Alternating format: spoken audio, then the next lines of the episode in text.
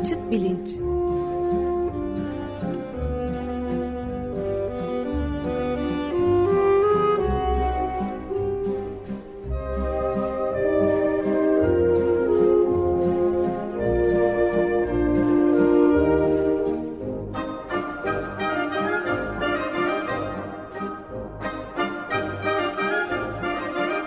Güven Güzeldere ile bilim ve felsefe sohbetleri. Günaydın Güven Bey, merhabalar. Günaydın Ömer Bey. Evet, bugünkü programımızda Tuna Tuğcu e, konuğumuz oluyor ve oldukça önemli bir konuyu tartışacağız. Pegasus casusluk projesi, Pegasus projesi. Onun üzerinde dünyayı da bayağı ciddi bir şekilde etkilemesi beklenen bir bıçağa çıkarılan çok çarpıcı bir proje değil mi? Evet, e, konuğumuz Profesör Tuna Tuğcu. Hoş geldin Tuna, merhaba. E, merhabalar, hoş bulduk. Evet. Hoş geldiniz. Hoş Şimdi Tuna Tuğcu daha önce konuğumuz olmuştu geçen sene 2020 senesinde ve bilgisayar virüsleriyle ilgili bir program yapmıştık. Bilgisayar virüsleri malum işte küçük yazılım parçaları e, bilgisayarları enfekte ediyorlar. Bazen hasar da veriyorlar. Bu anlamda belki bu hani zararlı yazılımların atası olarak da görülebilir mi bilmiyorum. Bundan e, konuşuruz. Ama en azından bir akrabalık ilişkisi var herhalde denebilir. E, şimdi ben aslında bu programı birkaç aydır yapmayı düşünüyorum. Çünkü e, bu Pegasus ve casus yazılımlar konusu çok gündeme gelmişti. Ama Malum bizim bir uyku ve rüyalar serisi sürmekteydi. 12 bölümlük. Onu ancak bitirebildik geçen hafta. Dolayısıyla şimdi bu programa e, yer vermenin e, sırası geldi. E, Tuna Tuğcu'yu daha önceki programda da tanıtmıştım. E, Boğaziçi Üniversitesi Bilgisayar Mühendisliği bölümünde profesör olarak çalışıyor. Doktorası da aynı bölümden. E, Georgia Institute of Technology'de e, Amerika'da e, misafir öğretim e, üyeliği ve doktora sonrası araştırmacılığı var. E, çalışma alanları arasında e, telsiz şebekeler, kognitif radyo, 5G şebekeleri, e, moleküler iletişim ve nano şebekeler gibi konular var. E, ben e, bu bilgisayar virüsleriyle ilgili programın duyurusunu da bu programın duyurusuna ekleyeceğim. Çünkü o da çok güzel bir programdı. Oradan da e, yararlanılabilir. Fakat bugünkü konumuz e, işte gündeme bu Sezgin Baran Korkmaz isimli e, işte sahtekarlıklar yaparak bir şekilde e, servetini büyütmüş bir iş adamının şu anda da hapiste e, galiba e, yaptığı bir e, gösterinin bir gazeteci tarafından e, işte ortaya çıkartılmasıyla ya da haberleştirilmesiyle e, gündeme gelmişti. Şimdi bu e, konuda aslında pek çok şehir efsanesi de ortalıkta dolanıyor. Ben biraz yani bu casus yazılımların mekanizması nedir, ne yapabilirler, ne yapamazlar filan bunları öğrenelim istiyorum. Bu haber mesela şöyle bir e, şey söylüyordu. İşte Sezgin Baran Korkmaz diyor ki birisine e, söyle bana telefon numaranı. İşte bir kendi e, bilgisayarında, dizüstü bilgisayarında bir e, yazılım var. Ona o numarayı giriyor ve bu kişinin bütün işte WhatsApp yazışmalarını filan görüyor. Ee, buradan sanki anlaşılıyor ki herhangi bir numaranın herhangi yazışmalarını görmek, izlemek mümkün. Ama e, bunun e, doğru olmadığı sonradan e, ortaya çıktı. Aslında telefonların bir yazılım parçasıyla enfekte edilmesi gerektiği ortaya çıktı. Ben biraz Bundan bahsedelim diye başlamak bahsederek başlayalım istiyorum. Çünkü yani bana fiziksel olarak şey mümkün gözüküyor. Şimdi diyelim ben e, Tuna sana bir mesaj gönderiyorum telefonumdan senin telefonuna. E bu iki değişik yer arasında bir sinyalin seyahat etmesini gerektiriyor. Bu sinyali bir şekilde yakalayıp e, işte kodunu çözmek mümkünse o zaman evet herkes herkesin bütün yazışmalarını görebilir. Ama bu WhatsApp falan gibi programlarda mesela uçtan uca şifrelendirilmiştir filan diye yazıyor. Bu da herhalde bunları engellemek için. Ve benim anladığım kadarıyla aslında e, Sezgin Baran Korkmaz'ın yaptığını söyledikleri şey e, doğru değil. Böyle bir şey, böyle bir imkan yok. Yani herhangi iki bilgisayar e, telefon numarası arasında ya da herhangi birinin telefon numarasını girerek bir programa o kişinin bütün yazışmalarını görmek mümkün olmuyor. Daha ziyade o telefonu enfekte ederek o telefonu bir casus araç gibi kullanmak sanki gerekiyor ama nedir bu işin aslı? Şehir efsanelerini bir tarafa koyalım. İşin gerçeği, doğrusu nedir? Sen bize biraz anlatır mısın? E, tabii ki. Aslında e, şey e, cevabın epeyce bir kısmını içeren bir soru oldu bu. Evet, pardon. yok yok e, gayet de güzel bir soru oldu. E, genel bir hani e, herkesin öncelikle anlaması açısından e, çok kısa bir özet vereyim bu işlerin nasıl yapıldığıyla. Şimdi iki cihaz arasında, bu cihaz diye kastettiğim telefonunuz olur, tablet olur, e, tablet bilgisayar olur. Tabletle tablet bilgisayar biraz farklıdır. E, işte dizüstü bilgisayar, masaüstü bilgisayar. Bizim için aslında hiçbir fark etmez. Bunlar bizim için cihazdır. Veri kaynağı, yani veriyi üreten ya da e, verinin e, alıcısıdır. Şimdi bunların arasında siz bilgiyi e, belli bir ortam üzerinden iletirsiniz. Bu ortamın e, ortam diye kastettiğimiz şey kablo kullanıyorsanız bir bakır kabloysa bu. Bu bakırın üzerinde bir elektromanyetik sinyal yaratırsınız ve bunun üzerinden iletilir. İşte fiber kullanıyorsanız e, o yarattığınız sinyal e, yine bir elektromanyetik e, sinyalin bir türü olan bir ışıktır. E, işte ışığın frekansında yani renginde e, diyebiliriz. E, bu bilgi e, saklayarak gidersiniz. İşte e, ya da işte e, kablosuzdan söz ediyorsak bu sefer havadır bu sinyalin taşıyıcısı. Havadaki elektromanyetik dalgalar. Aynen işte televizyon, eski televizyon, e, radyo sinyalleri nasıl gidiyorsa onun gibi cep telefonu e, sinyalleri de veya Wi-Fi sinyalleri de aynı şekilde gider. Şimdi ister kabloda olsun, ister havadaki giden sinyal olsun, bu e, hatta yani bu iletimin orta yerine başka birisinin, alıcının dışında başka birisinin girip bu sinyali yakalayıp kendisinin okuyup anlaması mümkün. Yani siz eğer mesajınızı işte İngilizce tabiriyle clear text diyoruz. Mesajınızı hiç şifrelemeden kabak gibi gönderirseniz karşı tarafta o kabağı alıp gayet de güzel, hiç sorunsuz açar. Yani bu benim tipik olarak network dersinde evet. öğrencilere ver, başta verdiğim projedir. Hani bir tane küçük e, bir ayrı bir network tabii okulun kendi network'ü şebekesi dışında bir şebeke kurup işte bunun üzerinde e, benim sunucuyla e, istemci arasındaki iletimimi yakalayın şeklinde benim vaktimde projeler vermişliğim var. Bunun olmaması için yaptığınız şey mesajınızı şifrelemektir. Şimdi siz bir mesajı şifrelerseniz alıcının da onu o şifreyi nasıl açacağını bilmesi gerekir.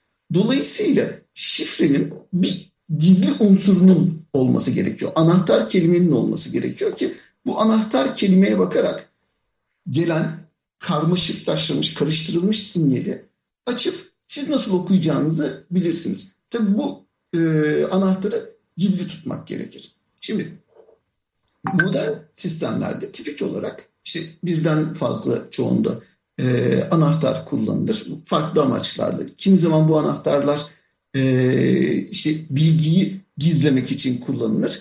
E, kimi zamansa e, kim olduğunuzu belgelemek için yani elektronik imza için örneğin kullanırsınız bu şifreyi. Şimdi dediğim gibi aslında algoritmanın yani bu şifreleme ve sonra karşı tarafta da şifreyi çözme algoritmaları açıktır, bilinir.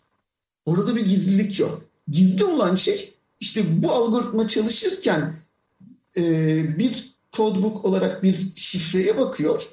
O şifreyi gizli tutmanız gerekir. Şimdi e, uçtan uca şifreleme dediğimizdeki olay şudur. Ben sana WhatsApp üzerinden bir mesaj gönderiyorsam benim gönderdiğim cep telefonundan gönderdiğim mesaj öncelikle baz istasyonuna gidiyor. Baz istasyonundan e, operatörün e, şebekesi içinde bir sürü makine arasında hoplaya hoplaya gidiyor. Belki sen başka bir operatördesin veya belki de dünyanın öteki ucundasın. Senin bulunduğun baz istasyonu eğer sen de cep telefonunda alıyorsan senin bulunduğun baz istasyonuna kadar geliyor baz istasyonunda yeniden hava üzerinden gönderiliyor. Şimdi arada o kadar çok bağlantı var ki bu bağlantılardan herhangi birine birileri saplanıp bu mesajı açıp okuyabilirdi. Artı arada en önemlisi WhatsApp'ın kendisine gidiyor.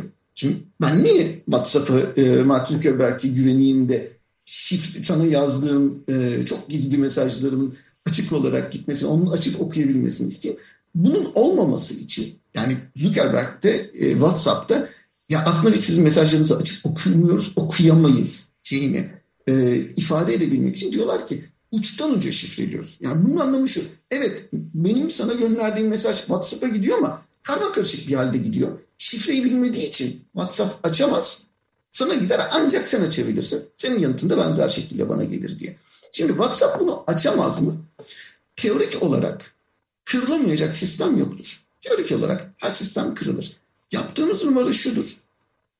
Bu şifre o kadar uzundur ki bunu kırmak çok çok uzun zamanlar alır.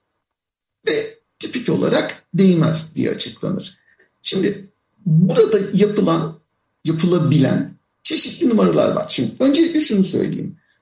Baştan herkesi bir rahatlatmak için. Normal sıradan kullanıcılar olarak ki kendimi de sıradan kullanıcılar arasında tanımlıyorum. Yani kimse üzerine alınmasın. Sıradan kullanıcılar için böyle anlatacağımız risklerin olma ihtimali çok çok düşük. Ama birazdan konuşacağımız üzere sıfır değil. Çok düşük olmakla birlikte sıfır değil. Nasıl olabilir?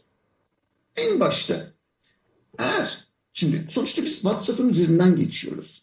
Bütün bu şeyler olurken WhatsApp yazılımının içinde baştan bilinmeyen bir güvenlik açığı varsa kötü niyetli bir şeyden söz etmiyorum. Sonuçta programcılar bunu yazıyor. Onda yapılmış bir hata varsa işte bu e, bug dediğimiz e, yazılım hatalarından biri varsa birileri bundan faydalanıyor olabilir. Bu birinci ihtimal. Bir diğer, yani bu arada bunun oldukça düşük bir ihtimaldir ama gerçekleşti bu arada. WhatsApp'la e, ilgili olarak gerçekleşti. Bu arada sadece WhatsApp için değil, şimdi olsun söylemek gerekirse birçok yazılımda bu türlü hatalarla karşılaştık, karşılaşıyoruz düzenli olarak. Ama bu hatalar bulunur bulunmaz bu firmalar bunları yamalarını çıkarır ve kullanıcılarına çok hızlı bir şekilde bu yamaların kurulmasını önerir hatta bir noktada zorlar. Yani devam edebilmek için bu yamayı uygulamak zorundasın. Özellikle güvenlik yamalarında bunu mümkün olduğunca firmalar zorlar. Çünkü firmalar açısından bu açıkların kapatılması bir itibar sorunudur. Yani insanlar ondan sonra WhatsApp'ı kullanmayı bırakırlar. Bu sorun çözülmezse. Ee, bir diğer ihtimal ve çok daha sıklıkla karşılaştığımız şey az önce senin de dile getirdiğin e, öncesinde işte bizim phishing dediğimiz e, saldırılar şöyle ki e, önceden ben sana e, bir mesaj gönderirim ama bu arada gönderen Tuna diye görünmez.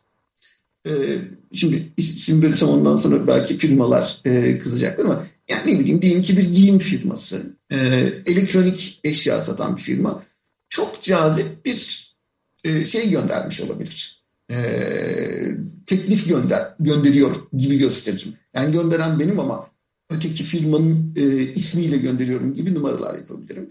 İşte bunun envai çeşit e, biliyorsunuz şeyleri vardır. E, bu işler işte Nigerian Prince, Nijeryalı prenslerin e, petrol paralarını e, şöyle bir, sen bana bir 3 bin dolar gönder de ben sana 1 milyon göndereyim şeklinde numaralarıyla başladı. E, çeşit çeşit e, her türlü e, şeye doğru yönel. Bu türlü aldatma mesajlarıyla senin bir linki tıklamanı sağlarım. Bu linki tıkladığın zaman e, aslında sen işte şeyi alıyorum, bir teklif alıyorum falan derken çaktırmadan senin cihazına ben bir işte senin az önce söz ettiğin zararlı yazılım parçasını fark ettirmeden yerleştiririm. Ve orada çalışmaya başladıktan sonra senin cihazında, senin makinende bir arka kapı açmıştır benim için. Ondan sonra sen istersen WhatsApp'ı e, sil, kapa, ne yaparsan yap fark etmez. Çünkü sen arkadaki bu arka kapının varlığının farkında bile olmayacaksın. Ve Ben oradan ondan sonra istediğim e, üçüncü e, yöntem bu yazılımların baştan kötü amaçlı tasarlanmasıdır. Yani bu tabii karşınızda e, WhatsApp gibi işte e, Facebook gibi büyük bir firma olduğu zaman bunun ihtimalini biraz daha düşük diye görürsünüz ama e, yani onlar bu tür sahtekarlığı çok sık yapmaz. Birazdan bir örnekten yalnız söz edeceğim. E, ama yani başka bir şey için e, mesela biliyorsunuz işte e, kimler benim profilimi incelemiş falan gibi numaralarla bu türlü şeyleri bulacağız size. E, veya işte e, ne bileyim bir filmi bedavaya indirme yani diyelim ki Netflix'te seyrettiğiniz filmi indirmenizi MP4 olarak e, cihazınıza indirip ondan sonra dilediğiniz gibi paylaşımın, paylaşmanızı sağlayacağız falan gibi numaralarla başka yazılımlar yani WhatsApp'ın dışında yüklediğiniz başka bir yazılım arkada bu türlü bir şey açmış olabilir. Arka kapı açmış olabilir. Ee, genellikle bu türlü şeyler yapılıyor.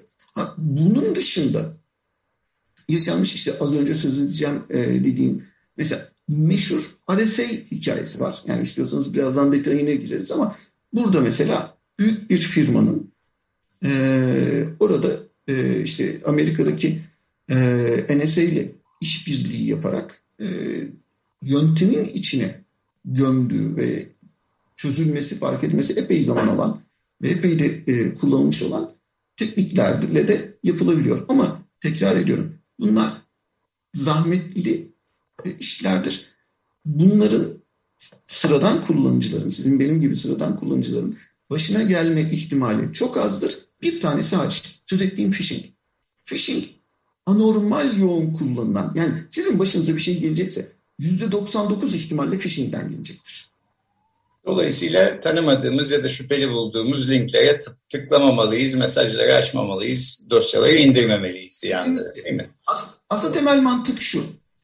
Ee, eğer bir şey olamayacak kadar iyi görünüyorsa bu işte bir numara vardır. Yani babanızın oğlu değil, kimse sizi durup dururken çok acayip cazip bir teklif vermez. Özellikle tanımadığınız kişilerse bunun gerçek olma ihtimali çok çok daha azdır. Bu bu arada sadece cep telefonu için konuşmuyorum. Bilgisayarınızda da geçerli şey. Mümkün olduğunca bilmediğiniz linklere girmeyin. İşte bankanızdan bir şey gelmiş gibi görünebilir. O gelen linki tıklamak yerine bankanızın bildiğiniz ana web sitesi üzerinden ya da banka uygulaması üzerinden giriş yapın. Gelen linkler üzerinden gitmeyin. Çünkü orada e, dikkatli olursanız fark edeceğiniz ya da dikkatli olsanız bile fark edemeyeceğiniz bazı numaralar çevirebilmemiz mümkün. Evet. Şimdi peki ilk başa geri dönersek Sezgin Baran Korkmaz'ın kullandığını söylediği sonradan Pegasus e, isimli yazılım olduğu ortaya çıkan şey aslında bu birinci yöntem değil. Yani e, herhangi bir telefon numarasının bütün mesajlarına ulaşmak değil. Bir makineyi, bir telefonu ya da bir cihazı enfekte ederek e, bir arka kapı açarak e, oradan bilgi sızdırmak diye anlıyorum değil mi? Yani e, hani bir şehir efsanesi gibi dolaşan şeyin aslında doğru olmadığını buradan e, çıkartıyoruz sanki. Ben de bir bu soru ilave edeyim izninizle buraya. Yani bu Pegasus meselesi Arundhati Roy aslında Hintli yazar ve aktivist 27 Temmuz 2021'de The Guardian gazetesinde önemli bir yazı kalemi aldı. Yani bu sıradan bir casusluk olayı değil Pegasus için. En mahrem kimliklerimiz şimdi ortaya serilmiş durumda dedi. Biz bunu çevirerek Türkçe'ye Açık Radyo'nun web sitesinde 31 Ağustos tarihinde de yayınladık. Şimdi burada çok önemli bir şeyden demin konuştuklarımızın devamını da getiren bir şey var yani e, Pegasus e, çok büyük bir e, casusluk olayı olarak yani Yasak Hikayeler Forbidden Stories adlı bir kuruluşla Uluslararası Af Örgütü'nün birlikte hazırladıkları 17 haber kuruluşundan oluşan bir uluslararası araştırmacı gazeteciler konsorsiyumu ortaya koydu. Yani İsrailli bir gözetleme firması olan NSO grubunun geliştirdiği Pegasus casus yazılımını e, satın almış görünen bir grup ülke hükümeti var. Bunların arasında Hindistan da var ve en önemli uygulama orada anladığım kadarıyla. Suudi Ama. Efendim? Suudi Arabistan'da bunları dahil. Evet e, onu da söyleyeceğim. Evet, Suudi Arabistan, Bahreyn, Birleşik Arap Emirlikleri, Meksika, Ruanda var ve e, yani Ruanda özellikle de tabii bu soykırımdan sonra ülkeler diyoruz biz bunlara. Evet yani çok acayip ve e, yani şey diyor NSO'ya sormuşlar e, ve kendi adına yaptığı açıklamada bu teknoloji insan hakları sicili incelenmiş teknolojisini yalnızca ulusal güvenlik amacıyla yani teröristleri ve suçluları izlemek için kullanmayı tahayyül etmiş hükümetlere sattığını söylemiş. Cevap da müthiş yani.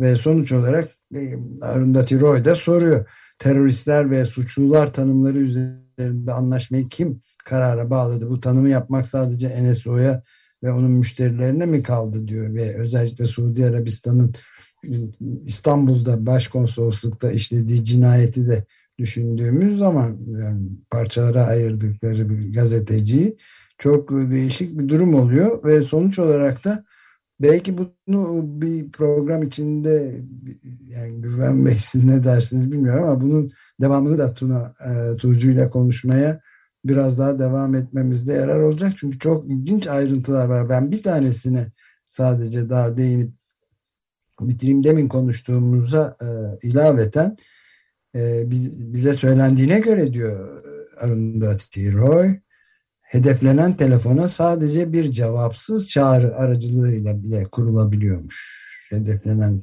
telefona bağlanabiliyormuş. Yani cevapsız arama yakıtıyla ateşlenen görünmez bir casus yazılım füzesi dünyada eşi benzeri olmayan bir kıtalar arası balistik füze ICBM diyor. Ne bir uyarı, ne bir silah anlaşması, ne bir denetleme kurulu, kuralı, kurulu ne de herhangi bir kurul hiçbiri yok teknoloji herhangi bir değer yargısından bağımsızdır tabii. Burada kimse suçlanamaz ama sonuçta muazzam bir şey oluşturuluyor. Yani bütün dünyayı hükme, hükmü altına alabilecek bir sistemden bahsediyoruz. Doğru. Ne dersiniz? Şimdi e, NSO gizli bir firma değil. Pegasus da aslında yani çok tabii e, ortaya çıktıktan sonra konuşulur oldu. E, ortalıkta e, e, filmlerin arasındaki reklam aralarında göreceğiniz bir yazılım değil ama e, yasal olarak adamların sattıkları bir şey. Hı hı. Her zaman bir şey kılıfı var. Biz teröre karşı e, satıyoruz ama şey daima müşteriye bırakıyor bunu. Biz size güveniyoruz sizin bunu kötü niyetle kullanmayacağınıza şeklinde. Ama sattığınız şey yani nasıl diyeyim gerçekten hani örnekteki gibi roket veriyorsunuz ama inanıyorum ki sen bunu iyi amaçlarda kullanacaksındır. E, siviller üzerinde kullanmayacaksındır gibi bir e, iyi niyet diyelim tırnak içinde e, bu şekilde veriliyor. Şimdi e, güvenlik işi çok e, ince ayarlı bir iştir. Tam bıçak sırtındasınız. Evet yani birimizin başına kötü bir şey geldiğinde hepimiz şu güvenlik kameralarını hemen açalım diyoruz. Yani işte bir hırsızlık, bir saldırı falan bir şey olduğu zaman o güvenlik kameralarını istiyoruz. Bir terörist saldırı olduğunda. Öte yandan bunun kötüye kullanılmaması gerekir. Şimdi sizin burada asıl önemli olan şey devletinizin demokrasiye ne kadar inanıp inanmadığı ile ilgili bir olaydır. Her zaman devletlerin elinde çeşitli silahlar vardır. Yazılım da bir silah olarak kullanılabilir. Devletinizin bunu gerçekten teröristlere karşı sizi korumak için mi kullanıyor? Yoksa muhaliflere karşı mı kullanıyor ki? Yani biliyorsunuz bizde e, muhalefet etmeyi yani seçimde iktidardaki partiyi indirmeye çalışmayı suç olarak tanımlamaya kalkan sivri zekalılar çıktı. Ve bu sivri zekalılar da belli makamlarda oldukları zaman bu işleri çok yanlış şekilde bu araçları silah gibi kullanmaya yatkın insanlar. Ee, Pegasus yazılımının e, evet WhatsApp'ta e, cevapsız bir çağrı ile bile yüklenebildiği söylendi. WhatsApp belli güncellemeler yaptı. Böyle şeyler mümkün mü? Evet. Bazı şeyler hani gelen şeyi kullanıcıya kolaylık olsun diye direkt açmaya yönelik özellikler eklenebiliyor. Siz bu türde kolaylık sağlamaya kalkarsanız birileri de bunu kötüye kullanıp al benim şu gönderdiğim spyware'ı da lütfen açıver şeklinde numaralar yapabiliyor. Ama WhatsApp bu açığını kapadı. Ha, tekrarlanır mı? Her an çıkabilir tabii ki. WhatsApp'ta da çıkabilir diğerlerinde de. Ama e, Pegasus çok sakat, riskli ve de satıldığı müşteri profiline baktığınızda da söylenenin ötesinde amaçlarla satıldığı e, belli olan bir yazılım diye görülüyor. Evet 50 bin e, te, telefon numarasından oluşan sızdırılmış bir liste vardı. Araştırmacı gazeteciler bunu incelemişler. Evet. Ve özellikle Roy'un yazdığı gibi Hindistan'da son derece kötülüğe kullanılmış korkunç şeyler, ölümlere falan da yol açmış.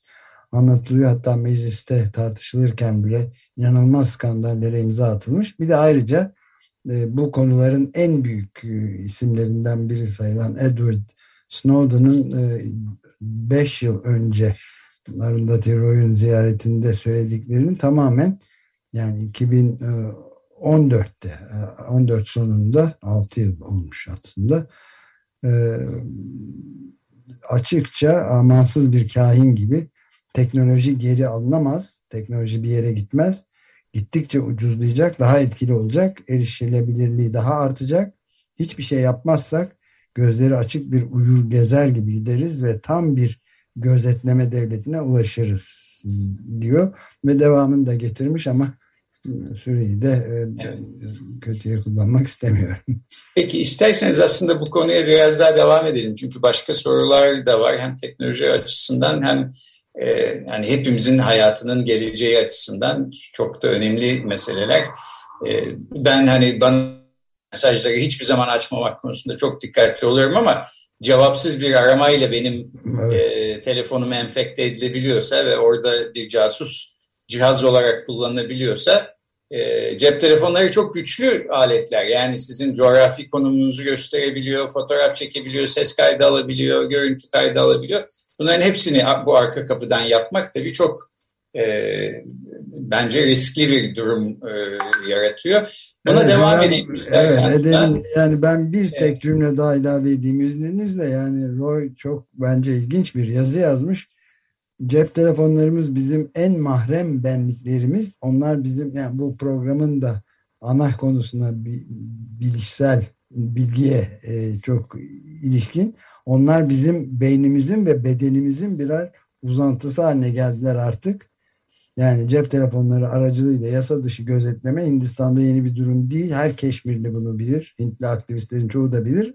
Ne var ki telefonlarımızı istila ve gasp etmeleri için hükümetlere ve şirketlere yasal haklarımızı devretmek ırzımıza tecavüz edilmesine gönüllü olarak razı olmamız anlamına gelir gibi bir romancı ağzıyla yazılmış evet. ama ben çok etkileyici buluyorum.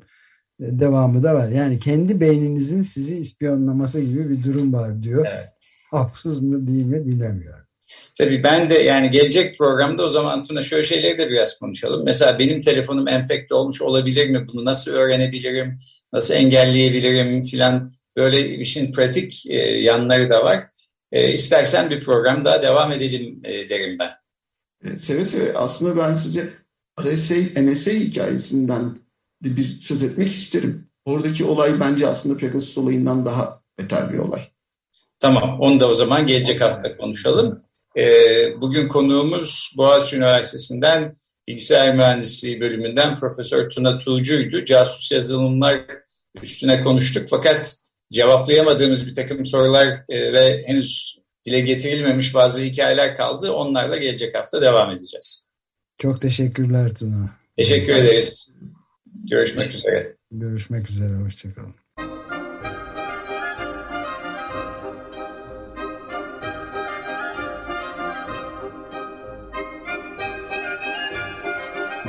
Açık Bilinç